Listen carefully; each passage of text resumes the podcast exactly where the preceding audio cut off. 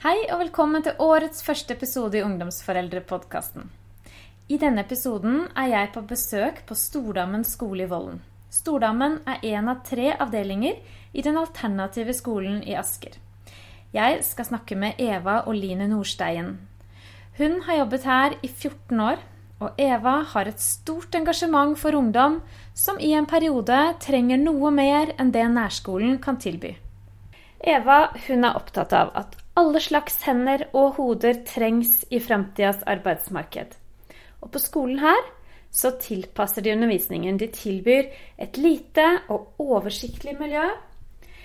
Her står frisk luft, aktivitet og praktisk gårdsarbeid i fokus. Eva er både lærer og familieterapeut. Og i denne episoden så kan du få lytte til at Eva og jeg snakker om bekymringsfullt fravær fra skolen. Vi snakker om PC og skjermbruk og mye annet. Men mot slutten så deler Eva av hva som har vært viktig for henne som mamma. Og Eva er en klok dame. Så det bør du få med deg. Eva snakker nemlig om en livsviktig marinade. Sett deg lenge, det kommer til å skje. Du blir voksen, og jeg veit ikke helt hvordan jeg takler det. For de greiene der er søren meg ikke for Hei, Eva. Og takk for at jeg har fått lov til å komme på besøk hit. Det er bare hyggelig. På den alternative skolen eh, i Asker, her i Vollen. Ja. Jeg må jo si at det er veldig koselig her, da. ja, vi holder til på en gård som var faktisk et hjem for noen. Ja. Inntil kanskje for 25 år siden eller noe sånt nå, så ble det tatt over av Asker kommune. For det er litt hjemmekoselig her. Mm. Er dette, er det som vi sitter i nå, er dette et klasserom? Dette er et av klasserommene, ja. Mm. Så vi har eh, Nå har vi akkurat bygget på låven. Vi holder jo til på en gård. Stordammen eh, er, eh, er på en gård og er en av de tre alternative skolene i Asker. Eh, Og på vår avdeling her så har vi dette lille hovedhuset, og så har vi en låve nå ved siden av som vi akkurat har bygget og gjort om og fått klasserom der også. Så vi kan dele oss opp i flere grupper. Ja. Hvor mange elever har dere på skolen? Vi har plass til ti. Ti elever. Mm. Ja, det er ikke Ti på fulltid, og noen ganger så kan elevplassen deles opp til deltidselever. Det hender at noen vil gå én gang i uken. Men her er det fortrinnsvis 9. og 10. trinn. Ungdomsskoleelever. Ja. Mm. Hvorfor, eh, hvorfor går eh, elever her på den alternative skolen istedenfor den offentlige? Istedenfor på nærskolen sin. Ja, Ja. ja. For den er jo også på en måte offentlig i den forstand at det er Asker kommune som eier og driver denne også. er det. Ok. Men, eh, men det er et, eh, et tilbud i tillegg til nærskolene for de elevene som eh, trenger en annen arena. Av ulike årsaker. Noen har kanskje opplevd ekskludering eller opplevd å mislykkes i eh, sitt læringsløp på nærskolen sin og trenger å være et annet sted med andre mennesker for kortere eller lengre periode. Eh, Noen går her hele 9. eller hele 10. klasse, eller begge deler. Andre går i en periode til de har fått fylt på det de trenger av påfyll, og så er klar for å gå tilbake i det ordinære skoleløpet igjen. Det de har til felles, er at de lærer bedre gjennom praktisk arbeid. Vi har jo den kombinasjonen av teori og praksis. Vi prøver også å flette inn kompetansemålene så godt det lar seg gjøre i det praktiske arbeidet her på gården. Ehm, Noen elever har eh, lærevansker av ulik art. Noen har litt sosioemosjonelle vansker, og noen har litt psykiske utfordringer. Og ja, det er litt forskjellig som gjør at de har nytte av det å være i liten gruppe og få tilpasset opplæring i en periode. Dere har noen høner her og litt sånn. Ja, ja, ja. Vi, har, vi produserer egg og kjøtt. Og det betyr at vi skal slakte, noe som noen elever syns kan være litt eh, vanskelig. I hvert fall når, når hønene ender opp De er jo først på en måte en del av det økologiske landbruket vårt, og så blir det jo biologi når vi slakter. ikke sant? Det er jo masse å lære ved å se inni i kroppen og partere og sånn. Og så ender det opp i mat- og helsefaget. F.eks. chicken tikka masala. Å, herlig. Ja. Ja. Så det er en sånn helhet i, i driften her. ja. Mm. Hvor lenge har du jobbet her da, Eva? Her har jeg vært i 14 år. Ja, så lenge. Mm. Ja. Før det så var jeg ti år på en alternativ skole i Oslo som heter Solrudstranda. Så hjertet mitt ligger nok litt eh, både i det alternativet og i ungdomsskole. Det å jobbe med ungdommer. Ungdom som faller litt utenfor? Eller som strever ulike Ja, ungdom som strever litt, og som da viser seg at hvis man får hjelp, så faller man ikke så langt utenfor. Så kan man på en måte være innafor allikevel. Og jeg syns det er utrolig meningsfylt å få jobbe med de ungdommene som da tar imot eh, den type undervisning, og som gjør seg utbytte av det, og som går over i videregående skole og får seg utdannelse og, og får det fint. For vi ser det at hvis de blir fanget opp tidsnok og får den hjelpen de trenger i skolefagene, og gjennom det praktiske arbeidet så får de mestring og tro på seg selv. De får prøvd ut både hender og hode til ulike arbeidsoppgaver og se at de får til ting, de også. Og dermed så får de mer trua på seg sjøl med at de kan gjøre en jobb i framtida. At de også kan ta en yrkesutdannelse, bli noe, gjøre noe. Og det at de får erfare er så opptatt av at alle slags hender og alle slags hoder trengs i framtidas arbeidsmarked. Og at noen ganger innenfor det vanlige skoleløpet så er det vanskelig for en lærer å skulle legge til rette så alle får prøvd ut noe de kan få til. Mens hos oss som er en liten gruppe, så har vi muligheten til det. Og det å se at disse ungdommene får til det, og får tilbake trua på seg sjøl, og er klar for å gå over i videregående skole, det er så meningsfylt. Vet du hva? Jeg tenker så fint at dere fins. Guri meg. For det har blitt et ganske smalt Smal arena. Det er liksom en boks, og alle skal gjennom det samme løpet. Alle skal gjennom de samme testene. Um, helt fra de er altså, fem-seks år gamle. Hele veien. Det er klart at alle passer jo ikke inn i det. Nei, for noen så kan det bli litt tøft. Ja. Og noen blir litt redde. Og sånn som ett eksempel, kompetansemålene i f.eks. norskfaget og en del andre fag sier at elever skal kunne stå foran eh, en klasse og holde foredrag om et tema. Flere av våre elever sier at det er noe av det de har grudd seg kanskje aller mest til, og som har gjort at man har kanskje skulka en time, prøvd å unngå dette for enhver situasjon. Men det er jo ingenting som sier noe om hvor stort det publikummet må være når en elev skal holde et foredrag om et tema. Så vi har skrelt ned publikummet til å være læreren, og så kanskje da en elev til fra klassen som den foredragsholderen føler seg trygg på. Og så kan man holde sitt foredrag, og så har man gjort det som er i kompetansemålet. Så det er liksom noe med at de kan få til en del av disse tingene, men kanskje ikke med så stort publikum.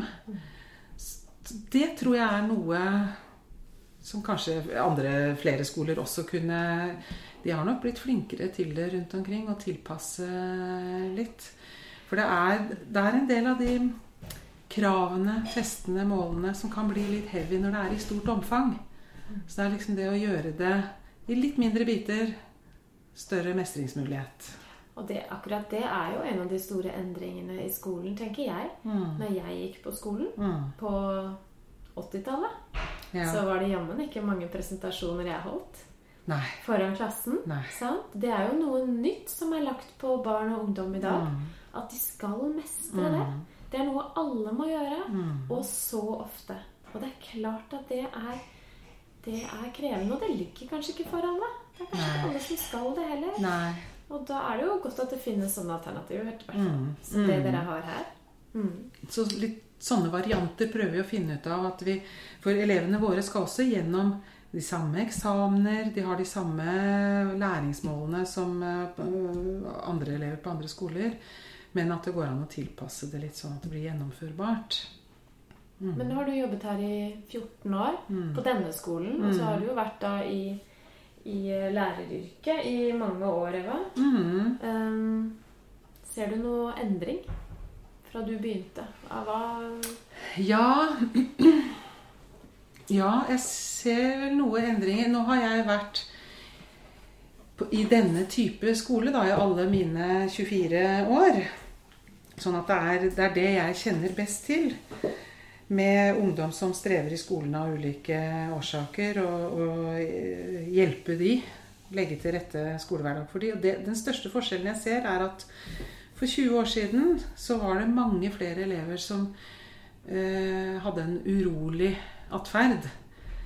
Det var eh, de som eh, på en måte holdt på si klatra i gardinene eller hoppa ut av vinduet og mm, fant på masse gjønn i klasserommet. og eh, Kanskje forstyrra både seg selv og de rundt seg.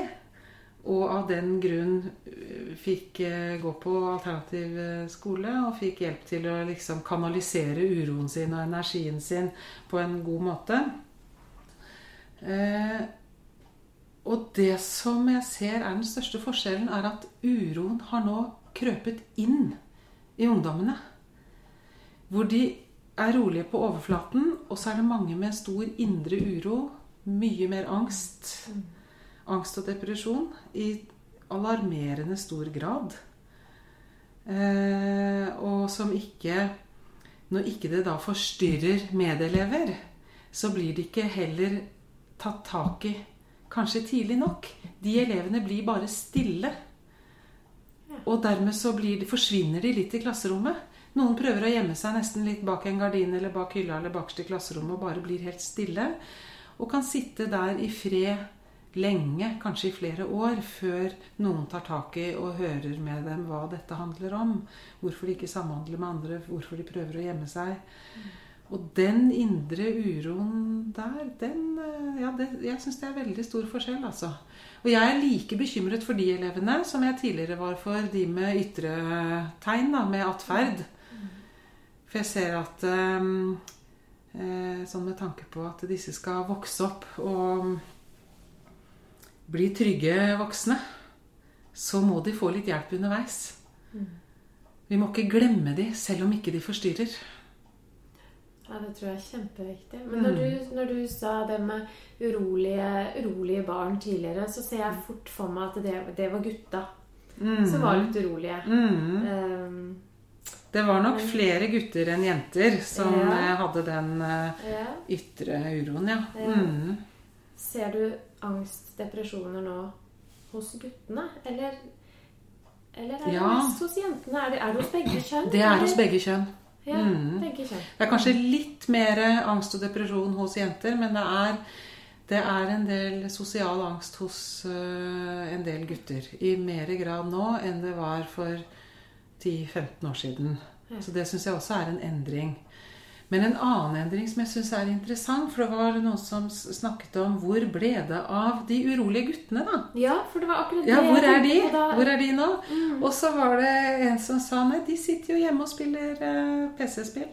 Ja. Sitter på PlayStation og de får, de får kanalisert ut sin uro gjennom det å sitte på skjerm. Og det er sikkert noen som tror da at å, vi er negative til skjerm og sånn. Nei, vi er ikke det. For vi ser at eh, i noen grad så ser vi at det er veldig god medisin for urolige ungdommer å kunne sitte på skjerm, og de får roet seg ned med det. Eh, Men så må man jo selvfølgelig se hvor mange timer og i hvor stor grad, hvor altomfattende skal dette få lov til også bli. Noen spiller så mye at de ikke kommer seg på skolen, f.eks. Ja. Så da har man jo plutselig en sånn eh, kombinasjonsvanske med at man først har en lærevanske, kanskje man har ADHD eller en annen type uro, og så får man spilleavhengighet oppå det igjen. Og så begynner det å bli litt lang vei å jobbe. Mm. Lang vei tilbake. Lang vei tilbake hvis man har begynt å være borte fra skolen f.eks., som, eh, Mm. som vi også jobber med. Så den, eh, men det er en sånn balanse der mellom at det er ikke bare negativt med skjerm, altså. Nei. For det gjør at mange finner både mestring og glede og fritid og hobby og venner gjennom nettet. Mm. Så det er en ting en ungdom sa til meg en gang, at eh, dere voksne dere er så negative fordi at vi sitter på TV-spill og sånn. Kan dere ikke heller være litt nysgjerrige og spørre oss hva vi gjør der? Kom og liksom se litt og Så jeg tenker det, når de, Hvis de inviterer oss inn, så må vi bli med og se. Spørre hva, hvilke, hva de ser på, hva de gjør der. For jeg tenker Det har alltid vært viktig at, at foreldre engasjerer seg i barnas eh, fritid, i barnas aktiviteter. Mm. Eh, og, men det var kanskje lettere for foreldre å engasjere seg på fotballbanen eller i skogen enn Ja. det var nå på nettet. Mm. For det er en mye mer sånn privat greie når man sitter Mm. alene med PC-en. Mm. Så føler man kanskje som foreldre at man at man forstyrrer, at man går inn i noe. Mm. Mm. Um, men jeg tenker òg at mange foreldre blir jo fortvilet fordi barna sitter på PC i timevis. Mm. Og i fortvilelsen så er det fort å tenke at dette må vi stoppe. Og så setter man noen grenser. Mm. Um, man kan, man går så langt at man fjerner den PC-en. Mm. Eller man tar nettet. Eller um, Og så blir det fort Ja, da blir det krangling og fortvilelse og Og det blir litt sånn å fjerne strikketøyet fra mor eller Altså det er liksom noe med Man kan ikke bare rappe hobbyen. Nei. Men det også komme til noen avtaler eh, Jeg hørte et godt forslag til avtale når det gjelder det med nett for mange år siden. Eller i det hele tatt skjermbruk. da Enten man så på serier på TV eller ser på filmer på YouTube eller spiller eller hva man gjør. Men forslaget gikk ut på at man skulle først være fysisk aktiv, og den tiden du var fysisk aktiv, den kunne du veksle inn i skjermtid.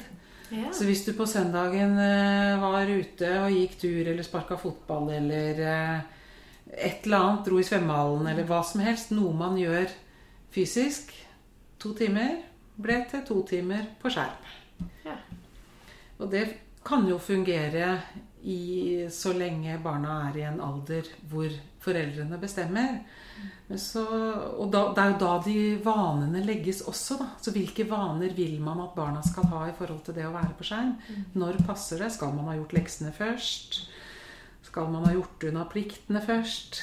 Noen bruker det som en slags belønning til slutt når man har gjort alt man skal. Så kan du få være på skjerm i to timer om kvelden, eller Ja.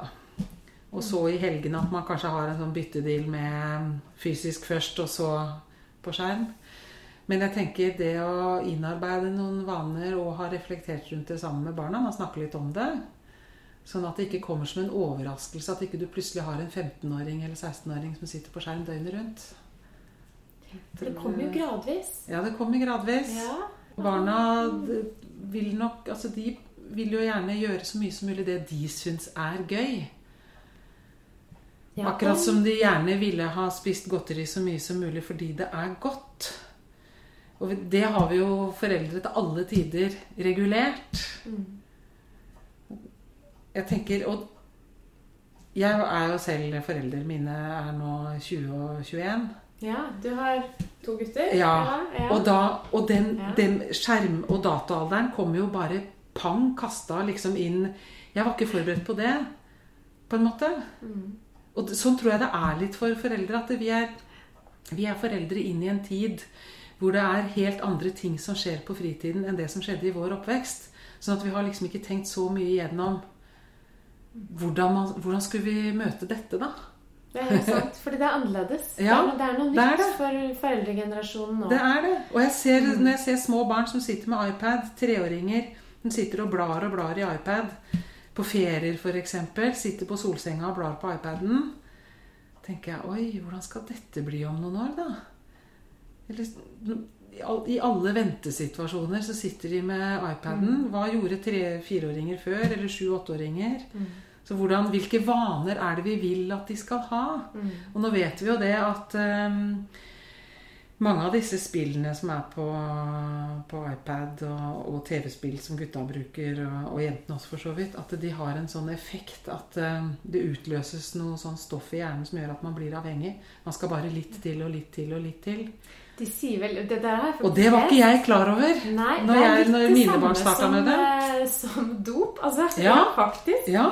Og det samme med søtsaker. Det er litt sånn Mhm. samme greie. Det gir en effekt i hjernen mm. som gjør at ja, man blir avhengig, ja. og det gir en tilfredsstillelse, Ja. faktisk. Um, så det er jo noe med dette Jeg tenker jo litt på dette med at når foreldre setter grenser, eh, så lager de en struktur for barna som det er godt å være i. Og Mhm. når barn lever i en struktur, så får de også muligheten til å danne sine indre strukturer. Mhm. Og hvis man lever i noe som er altfor utflytende, så blir det jo vanskelig vanskelig Mm. å lage sitt eget strukturerte Ja, liv for hvor er skal de lære det hvis ikke de Nei. lærer det av de de De lære har lærest? Mm. Men nå bruker de jo iPad på barneskolen. Ja. De bruker det jo til lekser. Så Og- det, er, det, og det er, jo, det det vanskeligere for foreldrene. Men det, det blir jo litt som Altså mm, Det fins gode og dårlige TV-program, det fins gode og dårlige dataspill, og det fins gode og dårlige ting som skjer på iPaden, og alle disse appene, og lek og lær og veldig mye som er bra. Nå har vi også på vår skole har nå det, Vi har ikke iPad, men her har vi Chromebook, som er noe av det samme. Det er liksom masse apper og masse ting vi kan gjøre. Fin måte å lære veldig, veldig mye bra. Så det handler jo veldig om hva man bruker det til, da. Og hvordan man bruker det. Ja. Og der tenker jeg at de voksne må være gode veiledere. Både på skolen og hjemme. Så foreldre må sette seg inn i hva er det barna Det er jo foreldre som skal bestemme hvilke apper ungene skal ha på iPaden sin. Og så også bestemme hvor mye tid skal de bruke på det. Passe på den balansen i det. Ja, og én ting er PC-tid, tenker jeg. Men de begynner jo nå veldig tidlig også med mobiler. Ja. Og jeg tenker, det er jo kanskje den, den bekymringen som flest har, i forhold til at de går med den mobilen hele tiden. Mm. Tenk- da fikk jeg lyst til å fortelle, Eva, faktisk. Mm. Du skjønner, jeg var på juleferie eh, med min familie Mm. til et helt annet sted i verden. Mm. Eh, det er ikke så mange steder i verden hvor det ikke er internett. Men det Nei. var det ikke der vi var. Ja. I to uker. ja. Og jeg har fire barn i Ja. som er vant til å gå med mobiltelefonen hele tiden. Ja. Og de har jo um, masse ikke sant? Det kommer jo oppdateringer i et Ja, ja. sett. Streak, er det ikke det det heter? Jo, de har masse streak. Og de mister jo det når de ja. ikke får vært på nett. Ja, ja, ja. Så dette var faktisk veldig spennende. Og de første dagene var litt krise. Det var litt sånn Hva skal vi gjøre? Mm. Etter hvert så gikk jo det over. Mot slutten, etter to uker, så sier flere av de at Vet du hva, dette har egentlig vært veldig deilig. Dette var ordentlig ferie. Hm. Fordi det er jo et uromoment. Det er en ting som de må følge opp hver eneste dag. Hver eneste time, egentlig. Så, så forventes det at man skal være der. Um, så jeg kunne noen ganger ønske at myndighetene her i Norge også kunne Ja, slå av internettet. Man kan jo gjøre det hjemme, i hvert fall. Man kan jo det, men det er jammen ikke lett. Nei. Men det gir faktisk en pustepause Ja. som vi kanskje trenger. Ja. Og så er det bare så utrolig utfordrende å lage den pustepausen når muligheten er der. Når tilgjengeligheten er Ja. der. Og vi voksne er de viktigste rollemodellene. Mm. For det er liksom noe med Jeg tar meg sjøl i noen ganger at jeg sitter der med mobilen når vi er i familiesammenheng f.eks. og Mm. prøver å ha den på lydløs og legge vekk. Og i hvert fall sånn at man har noen, noen stunder som man er enige om, på en måte. Vi har bare fått en sånn vane at måltider f.eks. Da er det ingen som tar telefonen. Og jeg husker jo det fra jeg var liten, at hvis telefonen ringte under middagen, da tok vi den ikke. For da var vi opptatt. Og det syns jeg er en ganske sånn fin greie. Og det, så hver, hver gjeng, hver familie og hver vennekrets finner liksom sin måte å gjøre det på. Og så blir det jo spennende å se egentlig hvordan vil de unge Hvordan løser de dette? Når de blir eldre etter hvert. Mm. Men jeg syns jo det er et, Nå er vi jo langt på viddene med det, holdt jeg på å si, med det jeg skulle mene nå. Men jeg, når jeg ser småbarnsforeldre som går med ungen sin i vogna Jeg hadde ikke mobil før mine barn var litt større. Jeg var en av de siste som fikk eh, mobil eh, i fylket, tror jeg. Men, eh, men jeg, og jeg husker all den samtalen som jeg hadde med ungene før de egentlig kunne snakke. Ikke sant? Så når de sitter i vogna og er ute og går tur, så ser jeg nå foreldre som går med vogna, én hånd på vogna og den andre hånden på mobilen. Og så ser de ikke på barnet sitt, de ser på mobilen.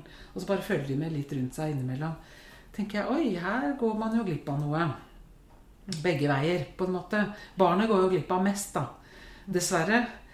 Men den forelderen går jo også glipp av noe viktig, da. Når man liksom eh, Jeg vet ikke, hva er det du gjør på mobilen som er så viktig? At ikke du heller bruker den gylne anledningen til å bare se på ungen din. Mm. Det er helt sant, og det er faktisk veldig alvorlig med det- tanke på tilknytning. Med tanke på tilknytning. Ja, så jeg er veldig spent på hvordan våre barn, når de blir foreldre, hvordan kommer de til å løse dette? Jeg håper de finner noen gode løsninger. Ja, jeg håper det. Det blir litt At det er vi som strever. vi som er Ja. foreldre nå. At de vil klare å lage noen strukturer Ja, som kanskje er bedre. ja. Ha litt tro på det. Vi må ha tro på ungdommen. Vi må jo det. Og så ser jeg en ting, en annen effekt av det med at de er gode på dette med skjerm og mobil. De er sinnssykt gode på multitasking. De kan gjøre mange ting på en gang. De har gjerne PC-en i fanget hvor det foregår et eller annet, og så har de mobilen som de driver og er inne på Snapchat og, og sender eh, ting. Og så har de PlayStation TV-spillet på skjermen. Så de holder på med de tre tingene samtidig. Ikke noe problem. Så det er klart at det, det har jo også mye for seg. De får jo en reaksjonsevne som er eh, sikkert eh, kjappere enn oss foran skjerm. Helt klart. For det, hjernen den tilpasser seg bruken. Ja, den gjør det. sant? Sånn at, det. ja, Men Det eh, det er liksom det med hvilken påvirkning får det på relasjonene. er. Mennesker imellom. Det er viktig. Mm. Og det er kanskje noe som Vi kan i hvert fall konkludere med at det er viktig at foreldre tar det på alvor. Og passer på at barna har relasjoner. Mm. Og at de har eh, At ikke skjermtiden overtar så mye at de mister den verdifulle tiden. Ja. Både med foreldrene sine, familien Mm. sin og venner. Mm. Det, og ikke minst også skolen. For det, som du sa i stad, det er noen barn som, som rett og slett blir spillavhengige. Mm. Og så går det på bekostning av oppmøtet på skolen, Mm. rett og slett. Mm. Eh, Og jeg regner med at dere sikkert har hatt noen elever her som har strevet med det. Ja, Og det har vi hatt. Og det er ikke alltid godt å vite hva som kom først av høna eller egget, eller spillet eller fraværet. For for noen så kan, kan fraværet starte med at det er ting man syns er vanskelig i skolesammenheng. Enten det i det sosiale miljøet, ekskludering, eller at man føler på selv at man ikke passer inn. Eller at det er skolefaglige ting, prestasjonsangst osv. Og så begynner man å være hjemme, og så trøster man seg med TV-spill, TV-serier, PlayStation. At man må liksom finne på noe for å slå tida i hjel. mm. Det kan jo være den veien også. Eller for andre at de det begynner med at de spiller, og så spiller de mer og mer. Og så er det noen som blir så ivrige at de spiller med folk eh, på nettet. Andre land, andre verdensdeler, andre siden av jorda. Og så må man plutselig spille om natten for å være med. Og da blir man såpass trøtt om morgenen at det kan være en grunn til at man ikke kommer seg på skolen. Så det er, det er viktig å kartlegge hva handler det om.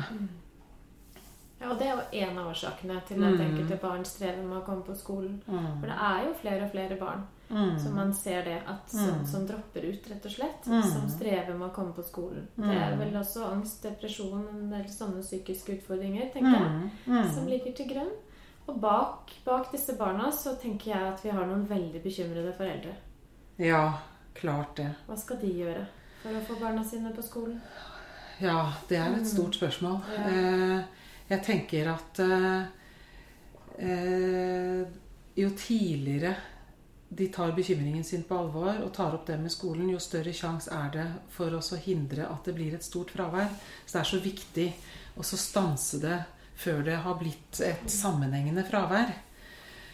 Eh, Så man bør bli bekymret allerede når en elev blir tatt i å være borte enkelte timer. Noen begynner å være borte fra når det er prøvedager, f.eks.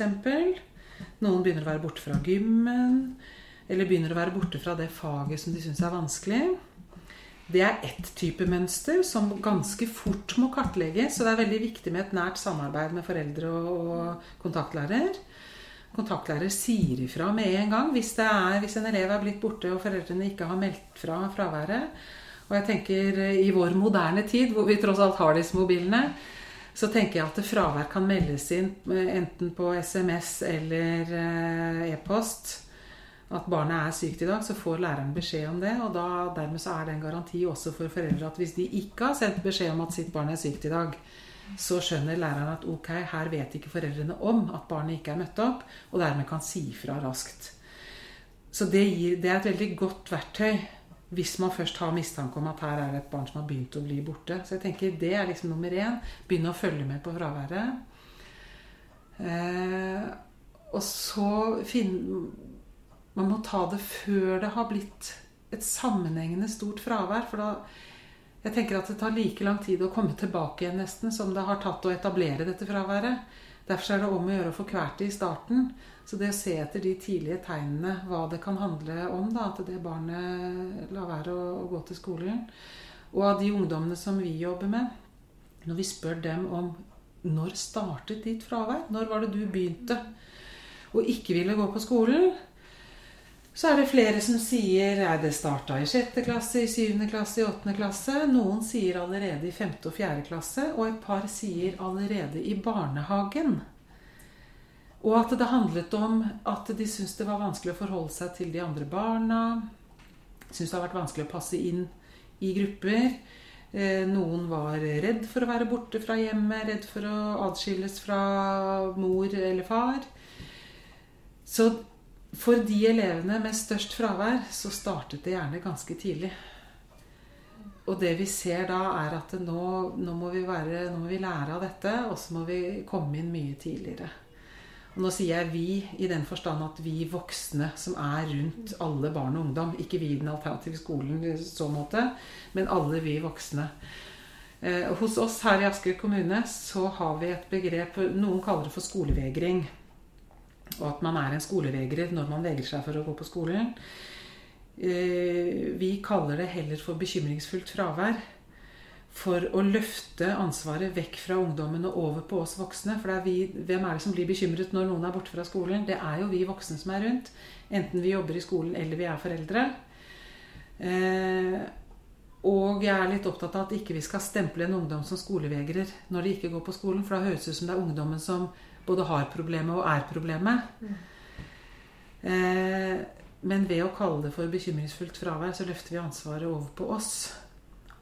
Og at vi voksne rundt må hjelpe ungdommen med å kartlegge hva er problemet. For det, det, ligger jo i systemet rundt ungdommen eller barnet. Så må vi finne ut av hva det handler om. Og for noen så kan det Det kan være som du sier, dette med psykiske utfordringer. Angst og depresjon, sosial angst. Det er mye sosial angst. De syns det er vanskelig å forholde seg til andre. Redd for at andre skal se på dem. Hva skal de synes om meg? Eh, hva tenker de om meg nå, nå som jeg allerede har vært borte fra skolen så lenge? Så er det så vanskelig å komme tilbake igjen. Um, og kjenner på liksom en skam over å ha vært borte. Kommer noen til å spørre meg? Altså Det er masse tanker rundt dette som vi må hjelpe elevene med å gi dem noen gode svar som de kan svare. Da Kanskje vi skal hjelpe dem med en forklaring og en historie. Bare sånn for oss å komme i gang igjen. Uh, ja, så det er mange, mange ting rundt dette som man kan gjøre for å hjelpe elevene inn i skoleløpet igjen. Og det er masse foreldre kan gjøre hjemme. Ja. Og apropos det med når, hva, hva, kan foreldre gjøre når barnet sitt har begynt å være borte fra skolen? Jeg tenker at Jo tidligere foreldre har etablert terskelen for hva som er akseptabelt fravær, jo mer vil det hva skal jeg si, lønne seg når, denne, når dette barnet begynner å bli større og begynner å bli ungdom. Og hvis foreldre går med på at ja, du kan få være hjemme fra skolen i dag fordi at du har litt ubehag, litt vondt i hodet, litt vondt i magen, litt vondt i vilja eller et eller annet sted ja. Da har man lagt til rette for et mønster som man kanskje angrer på senere. Mitt råd til alle foreldre det er å legge terskelen for det å være hjemme fra skolen. Det er hvis man har feber. Det er veldig lett å måle. Eller hvis barnet spyr så det spruter. Mm. For nesten alle andre sykdommer eller ubehag, det kan man gå på skole og på jobb med. Eh, og på 70-tallet, når jeg gikk på skolen, så var det Vi måtte på skolen uansett hva det var. Altså om vi hadde knokket fingeren eller vi hadde altså, det, var, det, var mange, det er mange ting som kan gjøre vondt, men som du kan allikevel være til stede på skolen med. Så jeg tenker det å legge den terskelen Altså, Legg den såpass høyt at det ikke, ikke gjør det lett å bli hjemme. For det er så fort å skape en uvane som utvider seg. For det er der det starter. Og det tror jeg du har veldig rett i, Eva. Og dette tar vi jo med oss ikke bare på skolen, men også videre i livet. Som mm. voksne også. Mm. I arbeidslivet. Mm. Um, det er noen vaner som vi uh, har godt av å få med oss. Uh, ja, fra man er barn og gjennom hele, hele, livet videre. For det handler jo litt om hvordan reagerer man når utfordringene kommer. Ja. For det er jo noen utfordringer som gjør at man kanskje ikke da har lyst til å gå på skolen. I hvert fall når det blir over tid. Ikke at man en dag har lyst til å være Ja. hjemme, men at når det blir over tid, så handler det om at det er ubehagelig, og det er noen utfordringer. Mm. Og, og hva, hva gjør man da? For disse utfordringene vil jo mennesker møte hele livet. Mm. Og da er jo Da har jeg tro på det å stå opp om morgenen. Ja. Stå opp om morgenen Ja. og gå, gå ut av Sett døra. beina på gulvet Ja. og kle på seg og komme i gang og gjøre noe. Men for barn og ungdom som strever med å være til stede i klasserommet av en sånn stor grad at de psykiske utfordringene med det setter seg på magen For det, det blir faktisk fysisk magevondt når man strever psykisk. Og det forstår vi. Og, sånn, og det er jo veldig alvorlig når det går så langt. Og da er det jo viktig at skolen blir gjort klar over det, og at man kobler inn hjelpeinstanser, kobler inn PPT osv. Ikke la et barn gå på skolen over lang tid med vondt i magen. Altså må, da må man gjøre noe med det og hjelpe til. Og når jeg sier at det er mye foreldre kan gjøre ved å sørge for at barnet sitt drar på skolen, så må jo skolen sørge for at det barnet, når det kommer på skolen, at det blir nummer én tatt imot, at det blir trygget, at man blir tatt på alvor, at man får um, oppgaver og tilrettelegging og en skoledag som gjør at man mestrer, sånn at eh, det er et poeng å være der. Eh, Så den tilretteleggingen er jo kjempeviktig. Så Derfor så er det så viktig at foreldre sier ifra til skolen hvis de begynner å merke at sitt barn mm. vegrer seg mot å gå på skolen. Da kan man koble inn uh, Da kan man koble Lærer, inn eh, helsesøster, lærere ja. og helsesøster, PPT Mm. og osv. Og kanskje med enkle tilrettelegginger at man får stanset et mulig større skolefravær allerede i starten. Da Ja. nå ble denne samtalen mye om fravær. Ja, det ble jo det. Men det er veldig Men- aktuelt. Så tenker Ja, for vi er så opptatt av hva Ja. må til for å få til nærvær i skolen. Ja, Sånn at alle kan få fullført viktig. skoleløpet Det er sitt. sant. Det er så grunnleggende og så viktig. Men jeg har litt lyst til å spørre deg også, for du sa i stad at du har to barn selv. Så nå er de kanskje ikke barn lenger. Begynner å bli voksne, Ja. begge to. Mm. Men uh, hva er er viktig for deg som mamma, da? Hmm. Ja Hva har vært viktig for meg som mamma? Jo ehm, Jeg si Altså, jeg er jo utdanna lærer. Og det var jeg før jeg fikk barn. Og bare det i seg selv gjør at man liksom setter litt sånn eh, Hvordan skal jeg bli som forelder? Liksom etter å ha lært mye om barns utvikling og oppvekst og sånn. Jeg fikk litt sånn prestasjonsgreie på det, på en måte. Eh, og jeg husker jeg følte meg så udugelig når vi hadde fått barn opp på sykehuset og skulle hjem med denne babyen helt nyfødt. Og hvor eh, barnets far sa til de sykepleierne at her skal dere bare sende oss hjem nå. Med, skal vi her, hvordan er, Oi! Hvordan skal dette gå, liksom? Skal vi ta det herfra og videre? Så de første nettene så bytta vi på å ha nattevakt og bare se på ungen, liksom. Men eh, vi ble jo vant med det etter hvert, da. Og så har vi Jeg husker jeg hørte fra noen venner av oss, noen gode venner av oss, som hadde som sånn filosofi når det gjaldt barneoppdragelse, at barna skal marineres i kjærlighet. Og hvis man gjør det først, så kan man nesten gjøre hva som helst etterpå. Men i hvert fall Men det er liksom noe med Jeg har vært opptatt av eh, at vi skal ha mye kjærlighet og glede og um, romslighet og raushet og latter og gøy.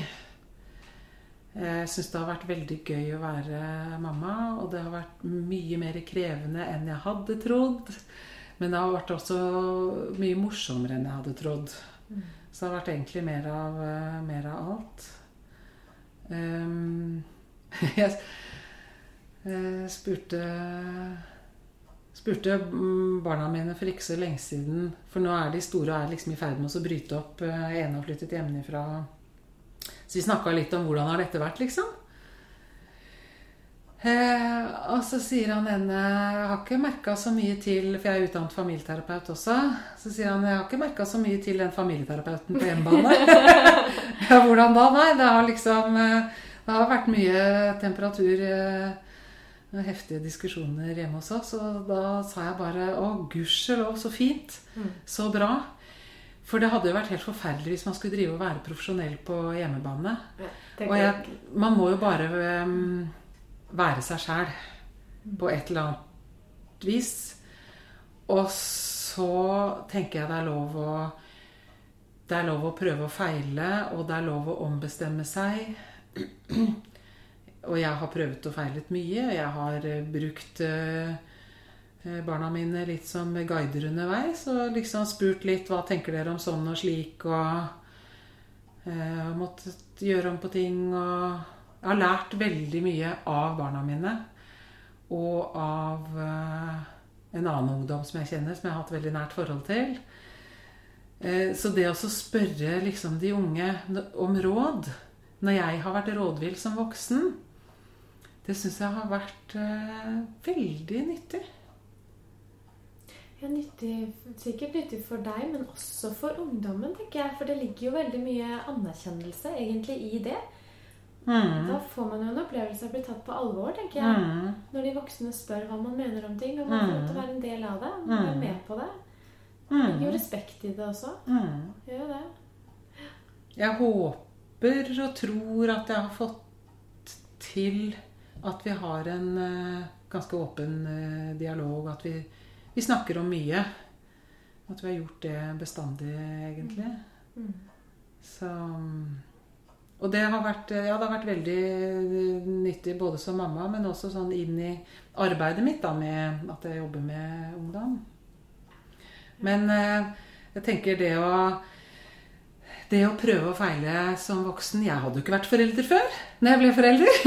Det er vel ingen som Nei, ikke sant? Det er vel nytt for Og, så, alle. og det er jo ikke noe som er så lett som å drive og gi råd til andre om barneoppdragelse før man er forelder sjøl. Det er Så, men det å, å prøve og feile tror jeg er litt lurt også med tanke på at ungene får se at vi voksne At vi voksne også gjør feil. For hvis vi er, gjør alt riktig hele tiden, hva nå det måtte være Det fins jo ikke noe fasit. Nei. Men det at, det at de opplever at vi kommer til dem og sier Oi, nå har jeg dritt meg ut. Det skulle jeg ikke sagt. Jeg ber om unnskyldning. Eh, nå har jeg lagt opp til noe som blei veldig feil her. Kan vi gjøre om? Kan vi gjøre det annerledes? Og at de erfarer det på hjemmebane, det tror jeg er veldig nyttig. For da ser de at det, sånn er livet. Vi er nødt til å snu om og gjøre på ting. Vi er nødt til å be om unnskyldning fordi at vi har eh, gjort feil, eh, sagt feil, mm. vært dumme og sagt dumme ting. Så gir jo det rom for de òg. Til å feile Ja. og gjøre dumme ting. Og det gjør Ja. jo alle sammen. Ja, Så det, det skaper en takhøyde. Og det, ja og det tror jeg vi må ha. Og jeg tror det at på hjemmebane så må vi ha den takhøyden at vi innimellom kan få lov til å være hva skal jeg si, våre følelsers vold. At vi bare kan få lov til å dundre løs med det vi har på hjertet innimellom. For det, det er ekte. Ja.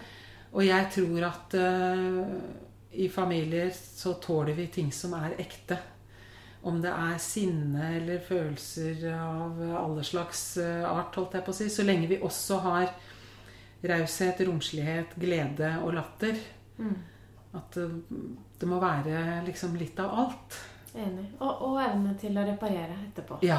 Ikke sant? Mm. Evne til å si at eh, du vet, dette ble dumt. Dette kan Ja. vi kanskje snakke om òg. For, Ja. for å reparere det som kanskje ble Ja. vanskelig. For da blir det lettere å gå videre. Og vi vet inderlig godt når vi har tråkket over streken, vi voksne. Og det vet ungene også. Mm. Og ved at vi da setter ord på det, så lærer de noe om at de også da en annen gang når de går over streken, at da kan man gjøre det godt igjen. Mm. Det tror jeg er noe av det viktigste lærdommen vi gjør. Ellers så får jo disse ungene sjokk når de blir voksne og skal inn i relasjoner. Med da kanskje gifter seg med en som er oppvokst i en familie med mye temperatur. Og så hvis vi da har forskåna våre barn for det hele veien, så blir det Da kan man bli kanskje mer sårbar både i jobbsammenheng og i, i sitt familieliv igjen. Da. Mm. Ja, det tror jeg Så jeg tror ikke det er så farlig. Nei. Jeg har vært litt opptatt av det. At det er ikke så farlig om vi blir litt sinna og forbanna og det er litt luft i luka. Det går fint. Så lenge man, som du sier, reparerer litt igjen, snakker litt om det etterpå. At man er venner før sola går ned. Det kan man i hvert fall tilstrebe og prøve Ja. å til. Ja, ja. Det, og sånn derre type det der å være sur over tid, det syns jeg ikke er noe ålreit. Sånn der gjettelek Gjett hvorfor jeg er sur, og la den gjetteleken vare noen det er dager. Det er ikke bra for verken store eller små. Nei, det dårlig. Så da er det bedre å heller dundre til og si hva det er. ja, det er jeg helt enig. Mye bedre. Ta det opp og bli ferdig med det. Ja. Jeg syns det var fint det du sa. Jeg tror så lenge vi, Hvis vi klarer å marinere, marinere ungene i kjærlighet, mm. så tror jeg vi kommer langt. Mm. Mm. Tusen takk. Det har vært veldig Takk fint i å snakke like med deg. måte. Bare hyggelig. Som om jeg kunne gjøre deg skuddsikker. Gjøre sånn at alt ble trygt og bra.